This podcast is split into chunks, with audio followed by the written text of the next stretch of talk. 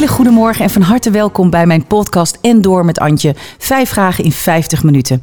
En deze ochtend, deze zondagochtend op mijn roze bank heb ik een hele lieve man zitten. Dat is het eerste altijd wat bij mij eh, naar boven komt als ik aan hem denk. Ik heb het over Adi van den Krommenakker. Natuurlijk bekend vanwege zijn grote mode-imperium. Maar ook hij heeft in zijn leven wel een aantal keer een en-door moment gehad.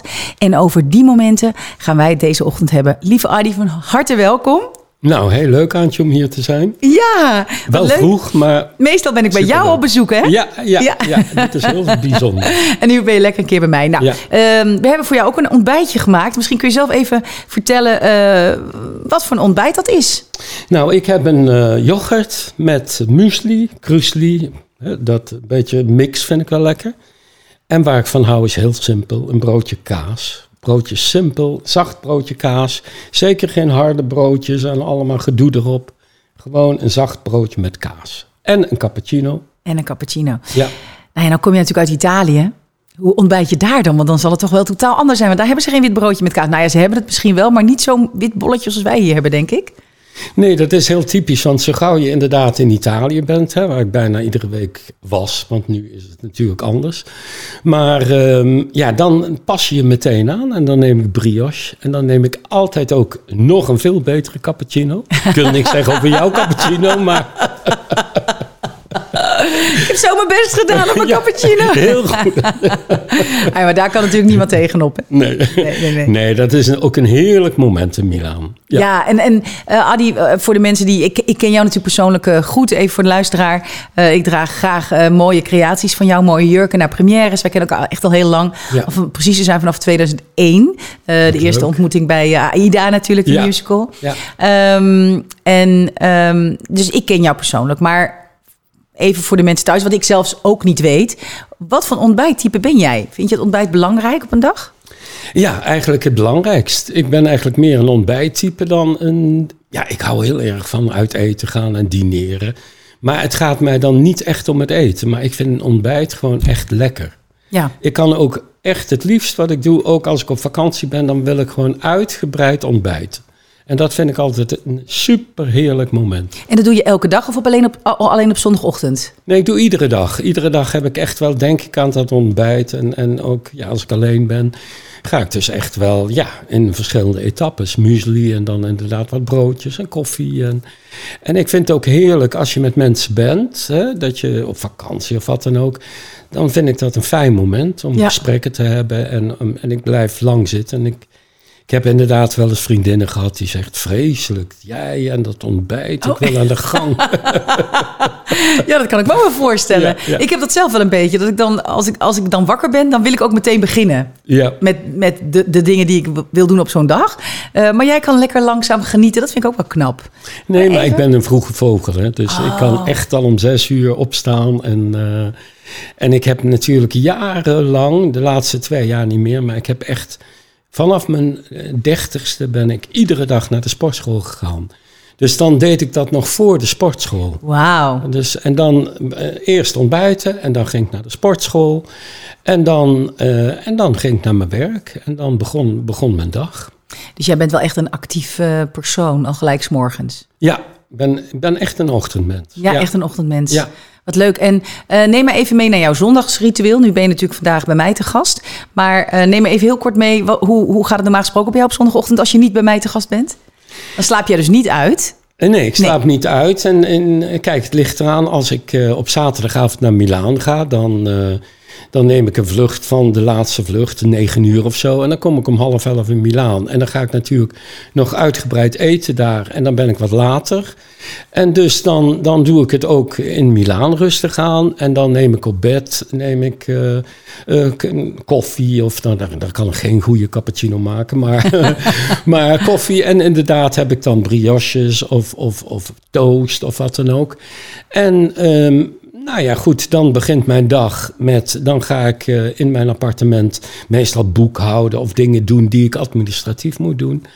En in Nederland is dat eigenlijk hetzelfde. Dus eh, op zondag ben ik dan nog vroeger. En dan ga ik de dingen allemaal doen. En ik vind zondag nu in Nederland eigenlijk ook heel fijn. Omdat je gewoon op zondag...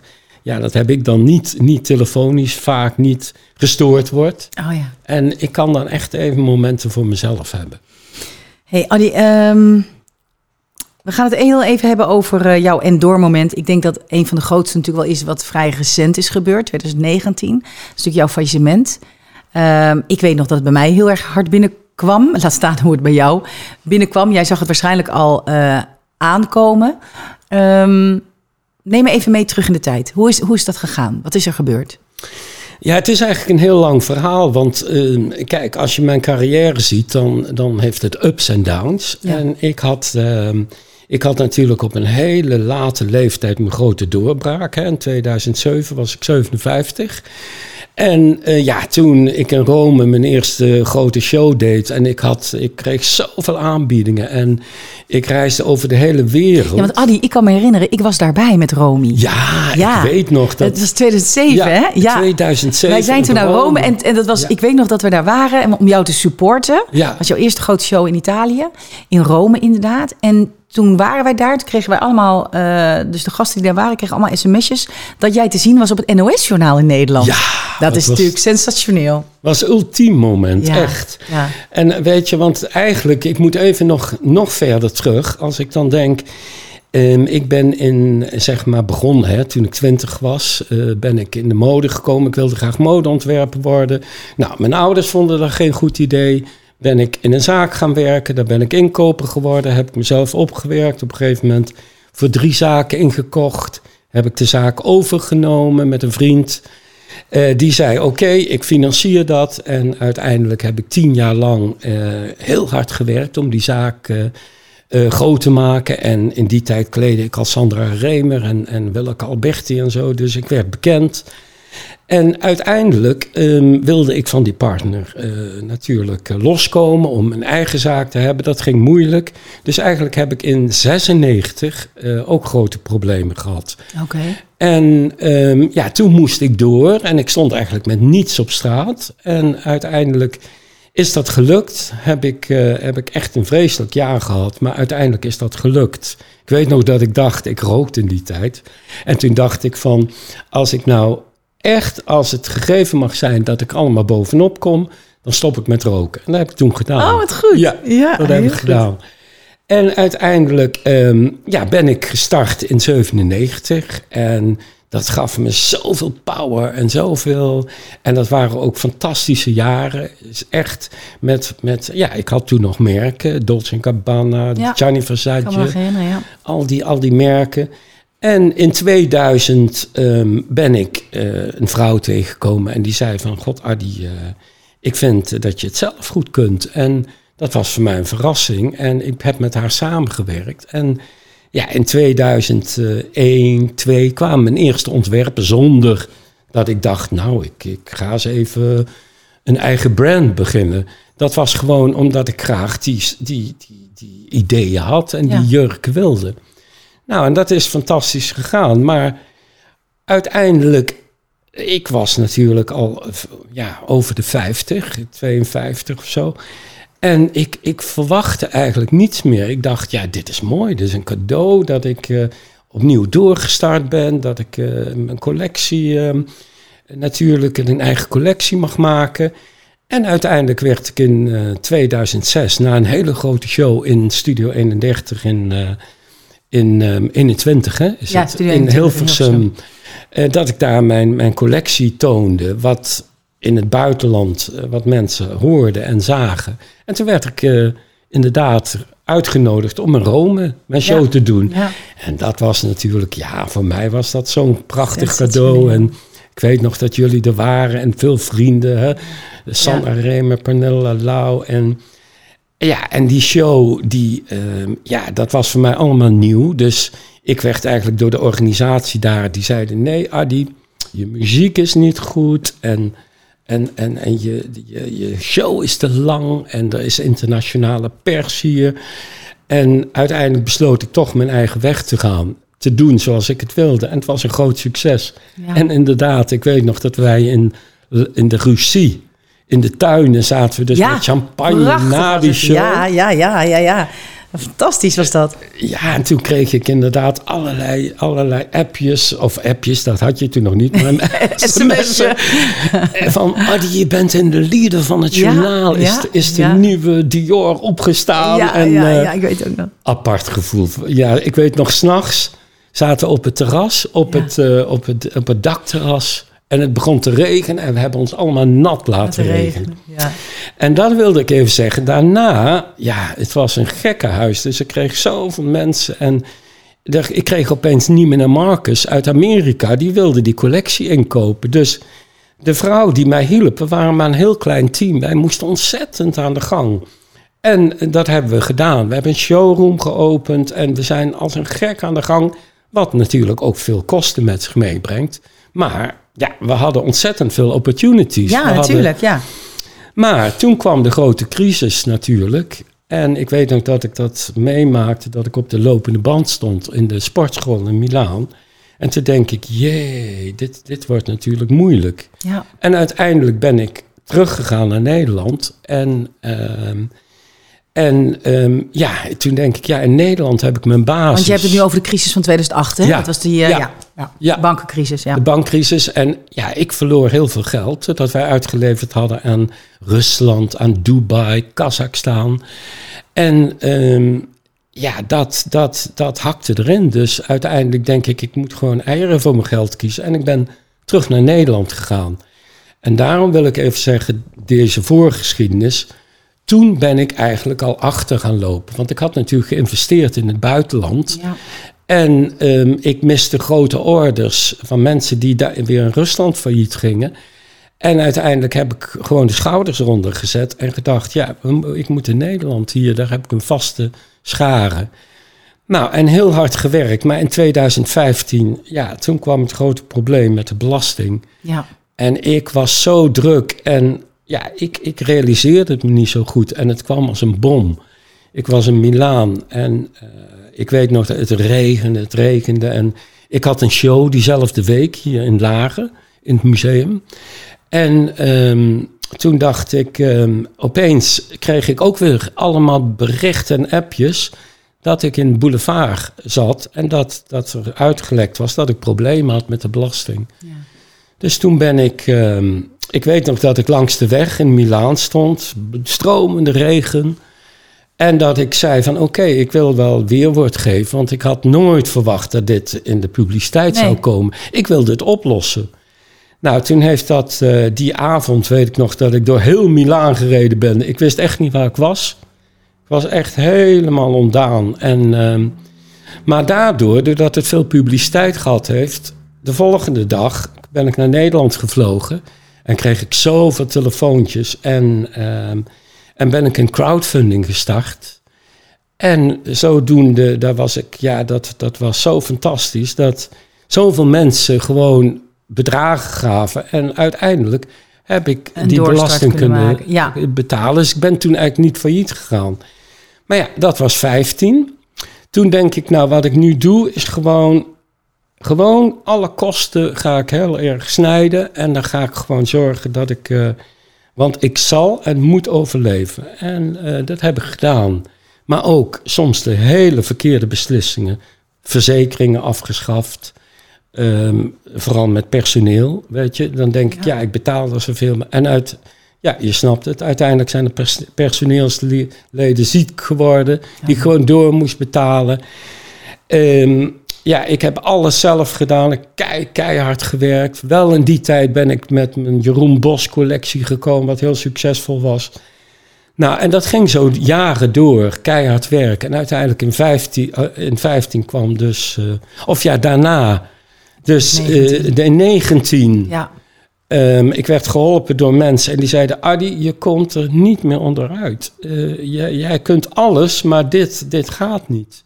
Hier ga je zelf van onderdoor. Dus je moet op een gegeven moment eh, die, die knoop doorhakken. Er komt nu geen grote engelbewaarder. En eh, daarom wil ik zeggen: ja, eigenlijk, eh, die periode daarvoor, dat was eigenlijk nog de moeilijkste periode. Want je wist. Je wist dat je. Ja, dat dat was het, eigenlijk tegen de stroom in aan het zwemmen. ja, Ja. En, en je wist, Antje, dat het zou gebeuren. Ja. Maar ik wilde er niet aan toegeven. Nee. En bijvoorbeeld om een voorbeeld te noemen met, met de, eh, de televisier. Weet je nog dat de meilandjes in mijn jurken wonnen? En ik wist eigenlijk, ja, twee of drie weken later zou het gebeuren. Ja. Dat is zo dubbel gevoel. Ja.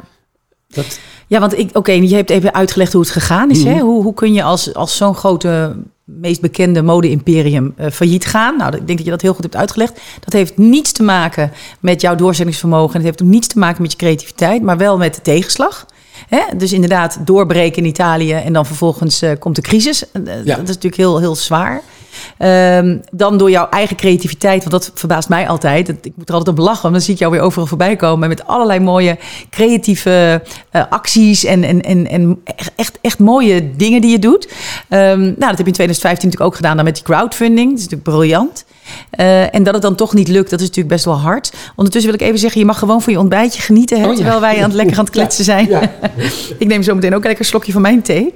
Ehm, en dan oh, zeg je... Ik neem Ja. Oh. de woorden terug. Cappuccino is wel goed. Sorry. Heel goed, heel goed. Yes, yes, yes, yes, yes. Thank you, thank you, thank you. Podcast nu al geslaagd. Ehm, maar goed, je zegt ook heel mooi van... Ik, ik, ik was eigenlijk... Ik voel heel erg bij jou... eh, ehm, dat je aan het vechten was tegen het onvermijdelijke eigenlijk. En dan komt toch het onvermijdelijke moment. Wat heeft dat met jou gedaan? Waar, jij zei, ik wilde het niet accepteren. Wa- waar kwam, waardoor kwam dan toch uiteindelijk die acceptatie? Ehm, uiteindelijk ja, heb ik nog, ben ik, ik heb nog heel veel ehm, pogingen gedaan en mensen die mij wilden helpen.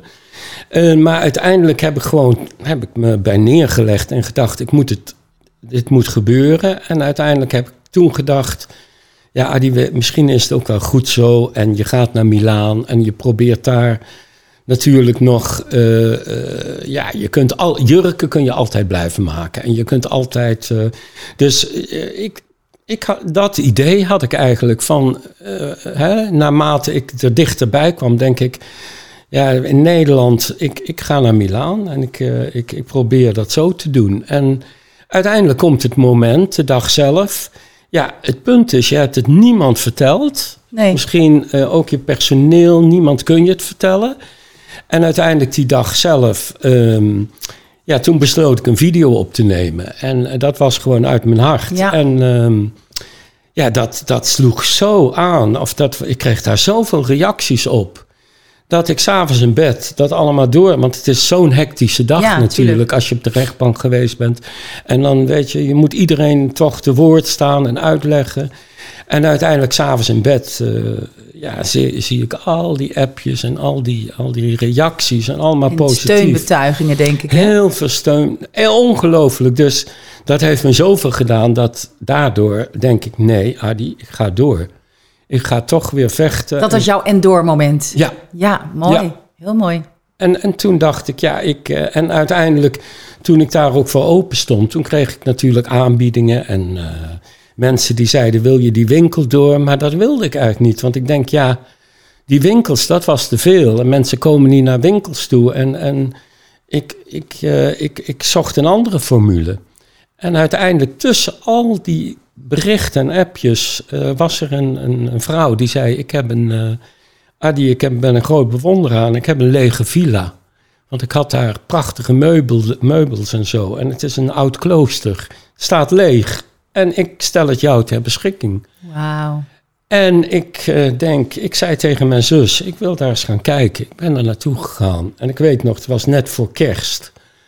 En ehm, eh, ik, ik kom daar, die prachtige verlichte villa. En ik denk, dit is het. Het is geen winkel, maar ik kan hier prachtig mijn jurken. En uiteindelijk ben ik eh, met mijn familie, met mijn zus, zijn we tot een akkoord gekomen bij de, met de curator. En in januari eh, afgelopen jaar ben ik dan eh, ja, groots gestart. En ging ik er weer volop tegenaan. Tot de corona kwam. Ja, daar gaan we het zo even over hebben. Ja. Maar want Adi, ik vind het zo knap. Ik, ik vind het zo knap. Want ik weet nog dat ik dat berichtje van jou dat ik ook eh, zag op, op, eh, op internet. Ik jou ook meteen een berichtje heb gestuurd van... Adi, je hebt zoveel Ja. vrienden om je heen. Als iedereen eh, een bedrag stort, dan moet dat toch te doen zijn. Kom op, weet je wel. Jij mag ook wel eens op andere mensen leunen. Want je doet het altijd zelf. En je, je staat voor iedereen klaar. En ik zei het net al in mijn introductie. Als ik jou denk, denk ik echt alleen... Ja, Adi is gewoon lief. Je bent gewoon zo lief dat je altijd voor iedereen klaar staat. Iedereen mag van jou jurken lenen voor rode lopers. Je, je gaat echt ver daarin. Ehm, dus nu mag je ook wel een keer op iemand anders leunen. Hè? Dat is een beetje wat ik toen bedoelde met dat berichtje. Uh, gelukkig is er een mevrouw gekomen die jou dan uh, nou ja, heeft geholpen. En zo hebben we allemaal wel eens uh, een beschermengel nodig. En gelukkig heb jij die ook gekregen. Geloof je daarin? In, in hulp van boven? Um, dat is een moeilijke vraag. Ik, ik, ik, ik eigenlijk, nee, ik, ik geloof. Het is mij een, een kracht van binnen waarvan ik denk. Uh, ja, dat krijg ik van mezelf. Het Ja. komt. um, ik, ik, Je dwingt dat geluk ook af. Dat is een beetje wat je. Ja, alle momenten in mijn leven. ehm, ik, heb, ik heb pas daar nog een keer met iemand over gehad. Maar eigenlijk toen heb ik het eigenlijk hè, allemaal nog eens benoemd. En toen zei ze, ja, God, eigenlijk heb je alles zelf. Je hebt nooit de hulp van andere mensen ingero- ingeroepen om... ehm, dus je hebt toch altijd je eigen wil en je eigen... En, en toen dacht ik, ja, dat is waar. En hoe Als- doe je dat dan? Waar, waar haal je dat vandaan? Waar haal je die kracht dan in het doorzettingsvermogen van, vandaan?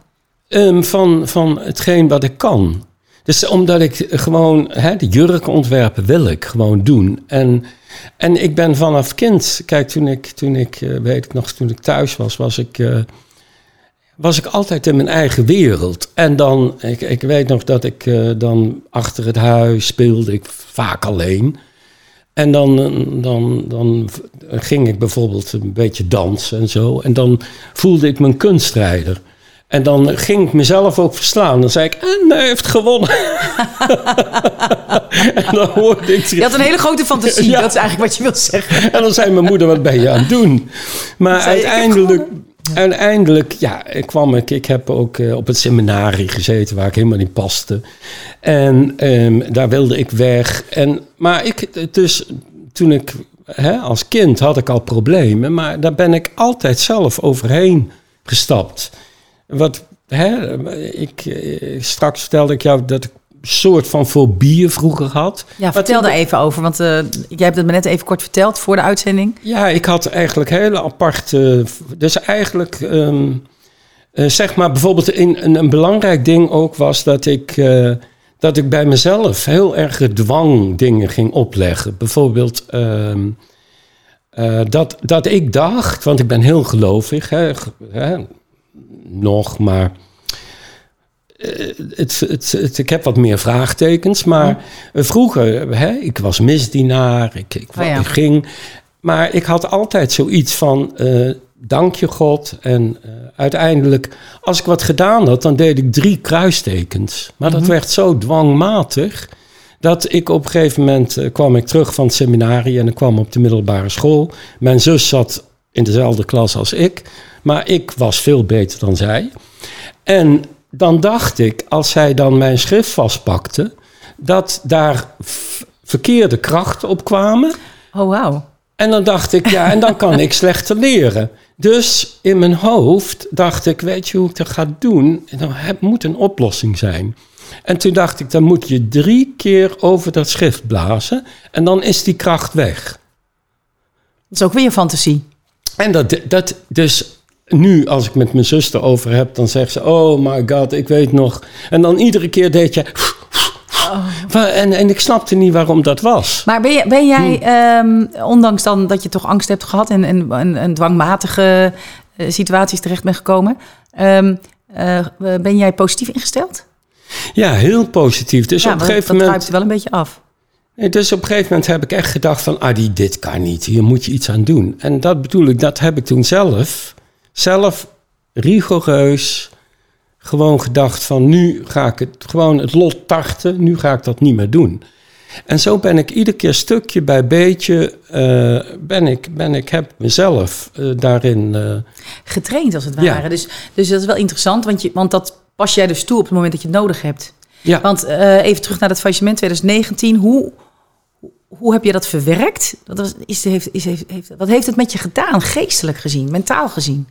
Nou, eigenlijk toen het moment zelf kwam, heb ik natuurlijk, was eigenlijk het proces daarvoor was veel erger. Ja, want, precies. want dan, dan, niemand weet, maar je hebt een dubbel leven. Je, je, je, je, je, Hè, je, je- ik, ik had Ja, naar de buitenwereld doe je alsof alles goed gaat. Ja. Maar jij wist, ja. En juist, ik had heel veel publiciteit. Ik had in de Telegraaf een pagina, noem maar op. Maar ik wist dat die onderliggende gedachte, ja, dat, dat het toch gebeuren moest. En dus ik had dat al verwerkt. En, en uiteindelijk toen het, ehm, ja, toen het kwam, toen, toen denk ik, ja, nu met schouders, hup, schouders er tegenaan.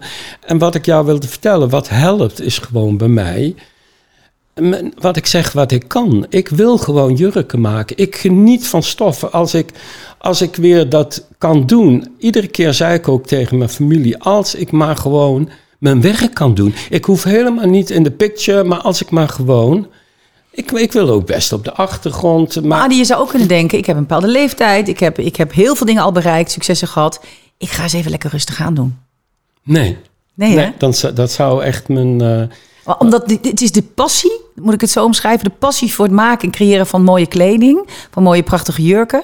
Dat is wat, wat moet gebeuren, anders ben je niet gelukkig, denk ik. Ja, echt, echt de passie en alles eromheen. Dus ook, ik ben heel erg, ja, dat weet jij, ik ben heel erg, ik hou van muziek, van, ik, ik zing zelf, ik doe creatieve dingen. Maar ik wil gewoon dat soort dingen doen. En het was natuurlijk voor mij geweldig om en mijn jurken te ontwerpen en mijn eigen showconcept te maken en mijn ideeën eh, daarop los te vieren. En, en zonder dat, weet ik, dan wist ik dat ik heel snel oud zou worden. Dus Ja, ik precies. denk, ik dacht gewoon, kost wat kost, ik moet gewoon met kleding, met stoffen, met alles bezig zijn en creëren. Want dan ben jij het gelukkigst. Ja, Want ik heb het in mijn boek, mijn boek gaat eh, en door over hoe tegenslag je geluk niet in de weg hoeft te staan. Ehm, gaat het erover dat ook ik in mijn leven heel veel tegenslag heb gehad. Maar ik heb een soort sleuteltje gevonden dat ik toch weet hoe ik ondanks tegenslag eh, toch gelukkig kan zijn. En eh, ik ben altijd heel benieuwd naar mijn- als ik gesprek heb met mijn gasten. Wat dan datgene is wat jou eh, gelukkig maakt. En hoe je ondanks tegenslag, hè, wat je natuurlijk al beschrijft dat je hebt gehad, ehm, toch eh, gelukkig blijft. En bij jou is het dan, als ik het zo lees, dat je zegt, ja, ik, wat kost wat het kost, ik ga door met het maken van mooie creaties, want dan ben ik gelukkig. Zeg Ja, ik dat zo goed? Ja, ik ben helemaal gelukkig als ik in mijn vak met mijn werk, dus zeg maar afgelopen tijden, in die coronatijd, ja, dan is het heel, ja, dan, je ligt helemaal stil. Ja. Maar, en al mijn stoffen zijn daar in die villa op de zolder. En dan ben ik dagen op de zolder met die stoffen bezig. Mijn handen waren gewoon beschadigd door al die lurex stoffen. Maar dan, dan voel ik me gelukkig. En, dan, dan, en het was even dat gevoel van avondjurken maken, dat was natuurlijk weg. Maar dan kwam ik weer op andere ideeën. Meer die, die, die ready to wear, meer de pret-à-porter. En dan voel ik me, en dan echt, ik heb de laatste tijd ook gewoon dagen gemaakt van zes tot 's avonds negen. En dan ben ik thuis en dan ben ik heel graag op mezelf alleen. En eh, ik ben, dat vind ik ook een cadeau. Maar even terug, want er is toch wel, want je bent heel positief. Dat is heel fijn, want dat voel ik ook heel erg bij jou. En dat is die kracht die je in je hebt, waar je denk ik mee bent geboren, eh, die straal je ook echt uit. Maar heb je wel eens momenten gehad dat je echt huilend in een hoekje zat en dacht, nou, nu weet, nu weet ik het zelfs even niet meer. Ja, natuurlijk. Je hebt gewoon, ehm, je hebt gewoon heel erg natuurlijk ook je down momenten. Maar het enige is dat dat relatief, dat dat bij mij meteen weer natuurlijk ehm, omslaat als ik gewoon bezig ben met mijn vak. En ik moet zeggen dat ik, als ik terugkijk, dan denk ik dat ik, ik voel me nu fijner dan, dan toen ik jonger was. Oh ja, want? Toen ik jonger was, was ik meer onzeker. Je moet presteren. Je moet. ehm, kijk, nu heb ik gewoon. Ik wil mijn vak. Ik wil mijn vak uitoefenen. En ik heb. En ik heb. eh, weet je dat die, die, die, die. Weet je, als je 40 bent, er moet nog zoveel. En ik ben eigenlijk door eh, de dood van Sandra Remer heb ik helemaal. Weet je, Sandra had zoiets altijd. Wij, wij waren natuurlijk zo'n eh, zo'n dikke vrienden. En wij bespraken alles. En zij was altijd bezig ook met haar carrière. Ja. Zij dacht ook niet van toch weer nieuwe ideeën. En soms je ook druk maken van waarom wil nu de media mij niet. En uiteindelijk toen, toen zij stierf, toen dacht ik... God, Sanja, moet je kijken, je hebt helemaal niet genoten eigenlijk. Hè? Oh. Het laatste jaren, je had ook kunnen genieten. Je had ook... Dus ik heb dat zo in mijn hoofd dat ik denk van... Adi, alles wat je doet, moet je gewoon... Die, die, dat, dat presteren, je moet gewoon... je, je, je, je drijfveer volgen wat je wil doen. En, Hm? en heeft, want inderdaad, Sandra Reem is een hele goede vriendin van jou. Ik Hm. was zelf ook bij het afscheid van Sandra. Hoeveel jaar is dat nu geleden? Eh, vier, jaar. Ja, vier jaar geleden. Ja. Ehm, wat heeft dat met jou gedaan? Als je, als je zo'n iemand die zo dicht bij je staat verliest? ja, heel veel. Echt heel veel. Sandra was ziek, hè? Ja, Dus was je zag ziek. het waarschijnlijk wel aankomen. Ja, en, en, ja ik, ik was de eerste die het wist. Maar ja, toch blijft het heel vreemd. Want eh, zij heeft niet... eh, ja, ik weet nog dat ze het vertelde. En zo kun je zien, mensen zijn... Je, je kunt nooit iemand 100% kennen. Hoe, hoe vaak Dat je iemand ook- ook kent, ja. Ja, dus, dus op een gegeven moment toen zij het vertelde, was ze eigenlijk heel erg gelaten. En ik zat me eigenlijk heel erg druk te maken. En, ehm, en ik heb toen eigenlijk sinds zij dat vertelde, hebben we iedere dag gebeld. En dan verbaasde het me eigenlijk wat voor, ja, hoe haar stemmingen waren. En dat ze er soms helemaal niet over wilde praten. En gewoon, ik wist, dus toen zij zei, ja, ik heb die fase. Maar zij had niet van, nou, dit, dit, dit moet het einde zijn of wat dan ook. Maar toen ik ging opzoeken wat die fase dan was, dacht ik, ja, dit is heel slecht. En ik weet er heel weinig van, ik ben geen medicus. Nee. Maar uiteindelijk kreeg ik zo'n raar gevoel. En ik weet nog dat we nog, toch nog naar een première gingen. En, en we, we- weet je, kwamen thuis en dan krijg je... Dan dacht ik, ja, waar gaat dit heen? Dit kan toch niet? Want Sandra Remer was voor mij zo'n sterke vrouw. Die, ik zag ons echt 98 worden, net Ja. als mijn moeder. Ja, En, en, nou, en toen opeens, zeg maar, ik had een, ehm, ik had een grote show in, eh, in Roemenië, Iași. Niemand heeft er ooit van gehoord, maar goed, ik reisde naar Iași, vlakbij Moldavië. ja. En eh, je wordt er helemaal onthaald door, door de ambassadeur en al. leuk tripje. Maar goed, ik ging daar naartoe en ik belde haar en ik zei, goh San, ik... eh," en zij, zij, zij was naar het ziekenhuis, zij moest naar het ziekenhuis. Ik zeg, ik ben dinsdag terug, dus dan, eh, dan woensdag terug, dan kom ik. En ik had een week daarvoor met haar de hele garderobe doorgenomen. En ik vond dat, voor mij was dat ook zo'n punt van, je ging in haar kleedkamer, dan heb je een garderobe waar je zelf natuurlijk deel van uitmaakt. Want Ja. dat is 30 jaar of weet ik veel wat. En toen zei ze van, ging ze de dingen, zegt ze, Adi, goh, volgens mij passen me die pakken nu weer. En ik vond het zo, ik denk, jee, ja, dus, zou je dat nog iets aan kunnen doen? En nou ja, toen hebben we afgesproken dat ik er die week daarop zou zien. Maar ja, ik moest naar Roemenië. En ja, toen vergeet ik nooit meer dat ik... eh, dus naar, eh, naar Roemenië eh, belde ik haar. Ik was in Milaan. Ik zeg, ik ben nu in Milaan. En toen zei ze, ja, ik ben zo moe, ik ben zo moe en dit en dat. En uiteindelijk, ik ging dinsdag naar Florence. En, en ze was overleden. Oh, Dus dat is zo'n klap dat je... Ja, dat, dat, eh, en je uiteindelijk- ook niet echt afscheid hebt kunnen nemen. Nee. Nee, nee. Nee, en, eh, en ik heb ook ja, in, in dat laatste jaar natuurlijk haar, haar stemmingen en haar verschil. Dus, maar ik, toch kun je er niet echt een vinger op leggen. Of ze het nou geweten heeft of niet. Of, en, en dat heeft me wel aan denken gezet. En ik dacht van, weet je, ehm, we hebben nog vooral dat laatste moment, dat laatste avond die ik met haar heb doorgebracht. Hebben muziek geluisterd. En Sandra was altijd, ja, die was di- di- dit en dat. En al, weet je, weinig tijd soms. En toen zaten we uitgebreid. En ik weet nog dat ik haar zei: Goh, San, ik heb een mooi nieuw nummer van. eh, dat was toen van. ik kan er even niet op komen. Ehm, en en ik, ik, ik gaf dat nummer aan haar. Ze zei: Oh, dank je dat je dat mij hebt laten delen. En ze huilde. En we hebben tot laat in de nacht eh, hebben we nog gesproken. Dus dat heb ik gelukkig nog wel. Dat, Als dat, laatste herinnering, ja. maar ik heb zelf daar veel mee meegenomen. En, en eh, doordat er gebeurde. En dat maakt me ook rustig in de zin van eh, dat ik denk... weet je, het komt zoals het komt. En, en, en, en dat, gelukkig heb ik dat gevoel heel erg. Dat ik niet... Sommige mensen zeggen tegen mij... God, jij kunt altijd, je blijft, ook al gebeurt dit... Ja, dan denk ik, oké, eh, we zien het morgen Ja, je accepteert het, ja. En zo heb ik dat ook gedaan met die, toen, ja, toen we dus weer doorstartten en toen die corona kwam. Maar ja, wacht even. Dat, dat vier jaar geleden, dat was ook precies al in die periode dat het al heel moeilijk was vanaf 2015. Ja. Hè, dan krijg je wel veel te verwerken, allemaal achter, achter elkaar. Want Sandra was wel echt je aller, allerbeste vriendin. Uh, wat, beschrijf eens voor mij dat gevoel dan toen je dat belletje kreeg, dat ze er niet meer was. En dan ook nog in zo'n periode waarin je al probeert je zaak te redden. En dat het al heel moeilijk was überhaupt om niet failliet te gaan. Ja, dat is gewoon heel moeilijk. Want uh, ja, ik, ik, herinner me, ik wilde natuurlijk terug naar Nederland. Dat ja. kon toen niet. En ik moest weer eerst naar Florence en weer terug.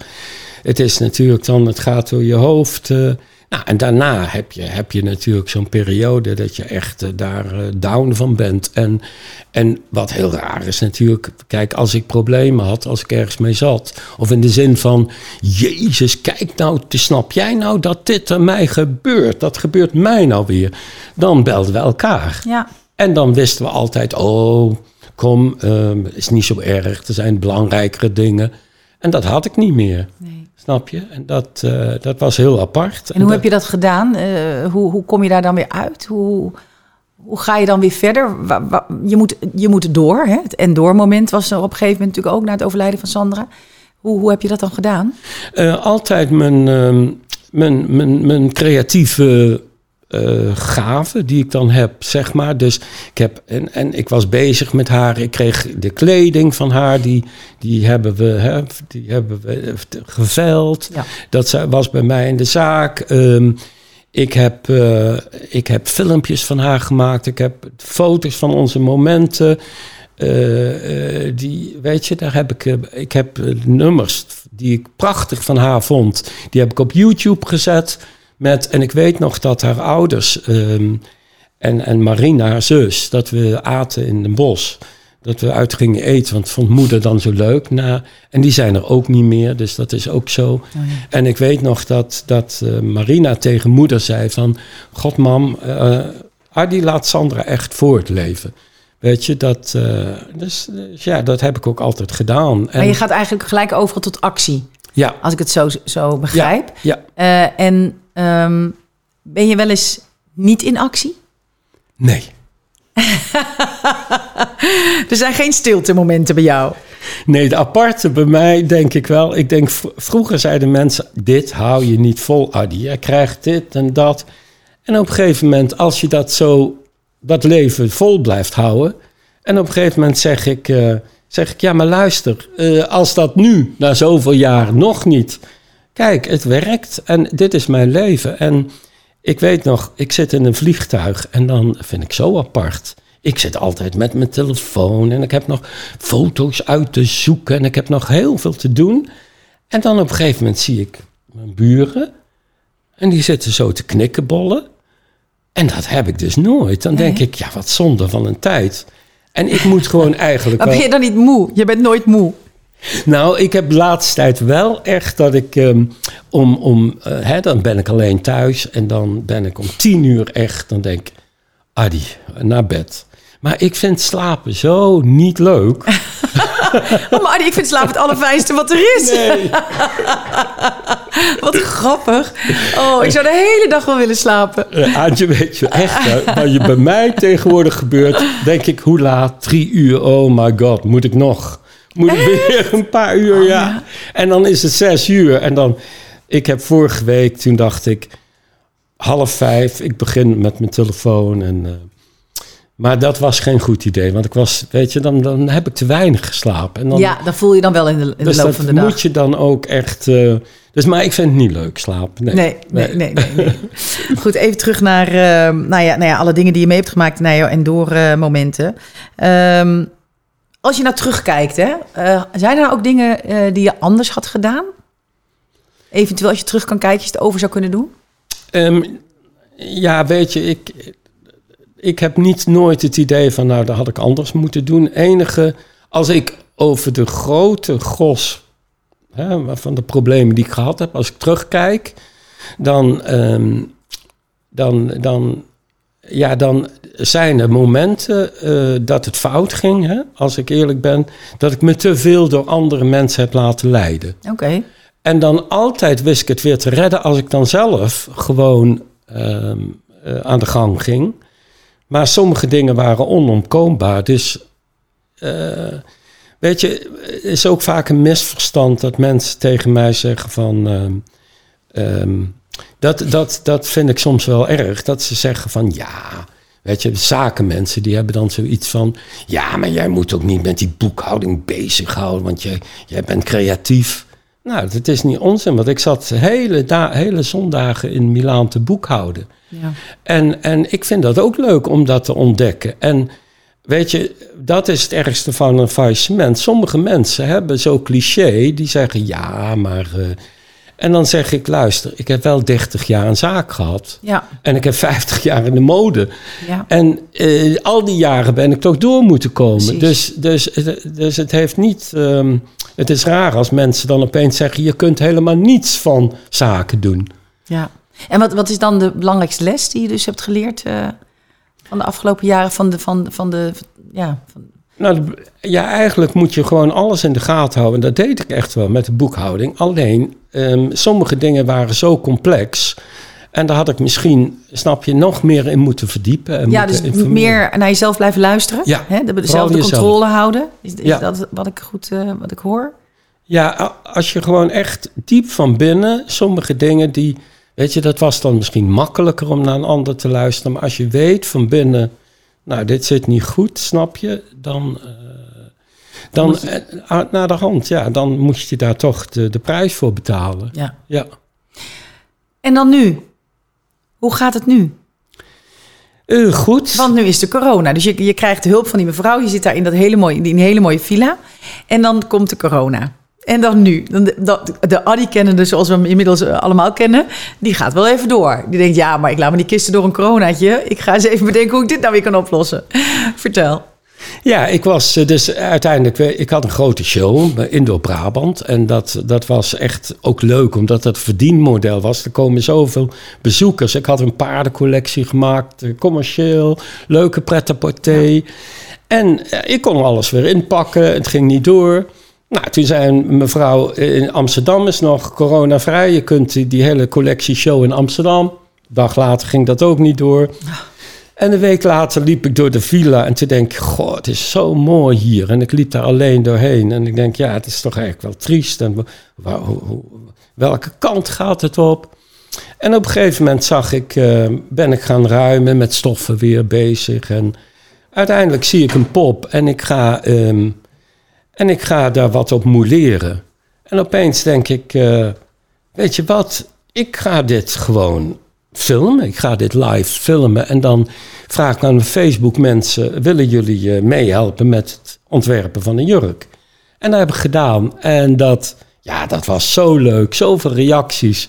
En op een gegeven moment eh, eh, heb ik dat hele proces van die jurk, heb ik ze mee laten genieten. En dat duurde weken. Eigenlijk heb ik, moet ik eerlijk zeggen, het nog vertraagd. Want het was zo leuk. Oh ja.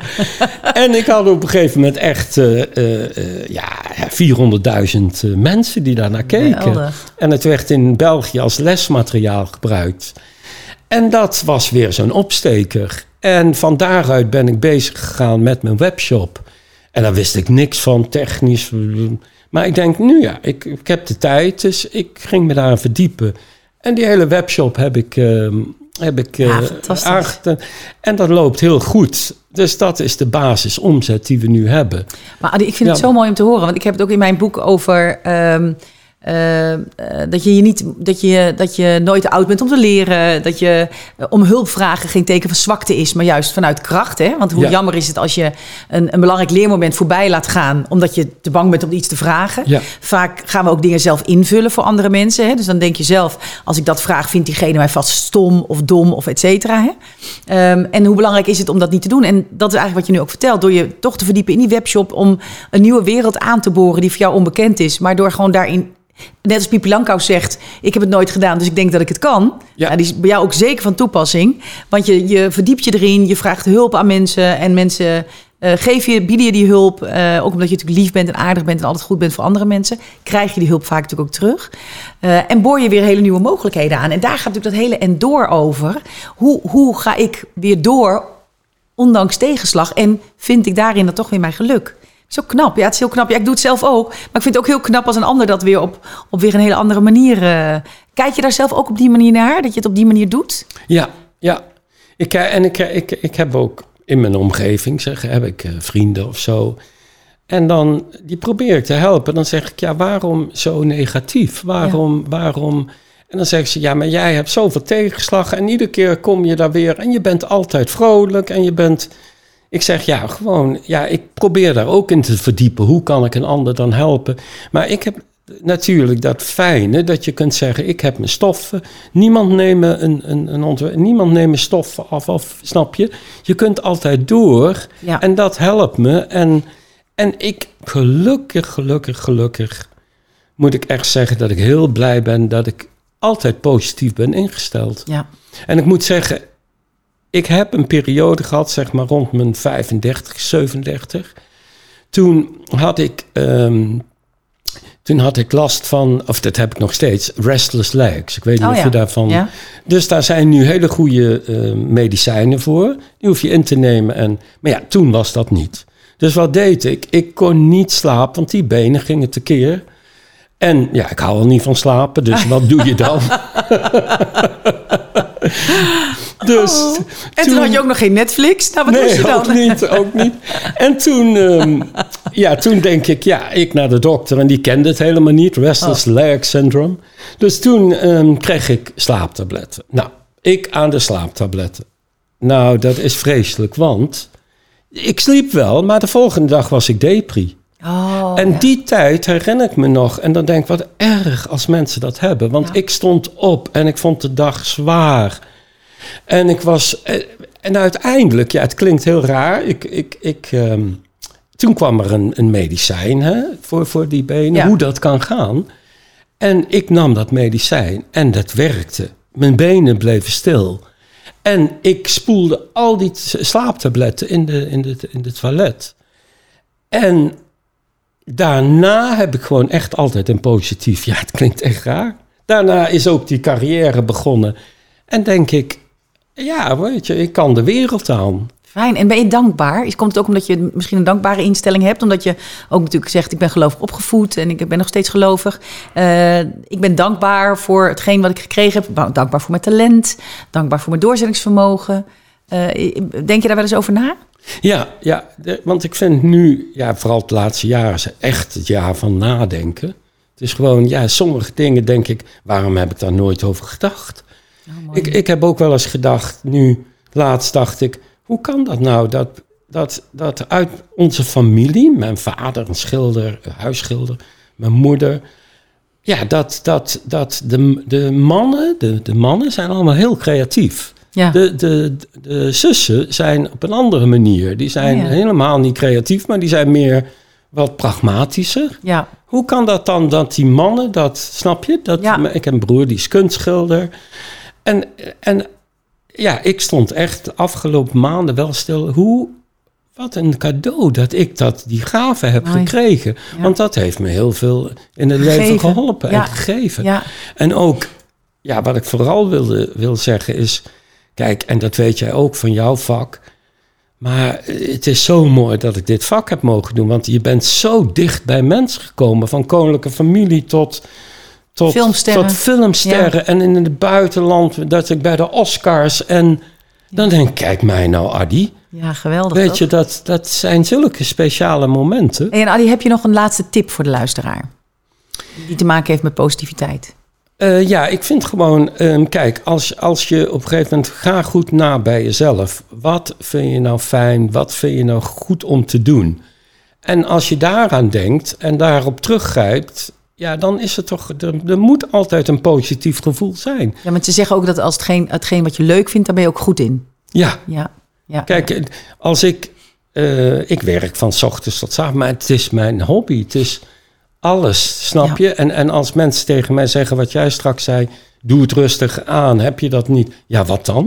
Op de bank bij Netflix? Nee, ik, ik kijk bijna geen tv. Ja, ik, uh, ik heb ook een mooie tip voor de luisteraar nog om uh, hiermee af te sluiten. En dat is een hobbel op de weg, hoeft niet gelijk het einde van je reis te zijn. En dat is zeker op jou van toepassing. Lieve Adi, dankjewel dat je hier was en je mooie verhalen en je momenten met ons willen delen. Dankjewel. Graag gedaan, Antje. Was leuk. Echt leuk hier te zijn. heb nog een heerlijke cappuccino voor je staan. Zal ik ja. een slokje nemen? en als die inmiddels koud is, maak ik een nieuwe voor je. Oké. Maandagochtend praten we verder over deze podcast via Clubhouse. Join the room om 9 uur in de ochtend. Praat met me mee en stel je vragen. Check www.antje.nl voor meer informatie.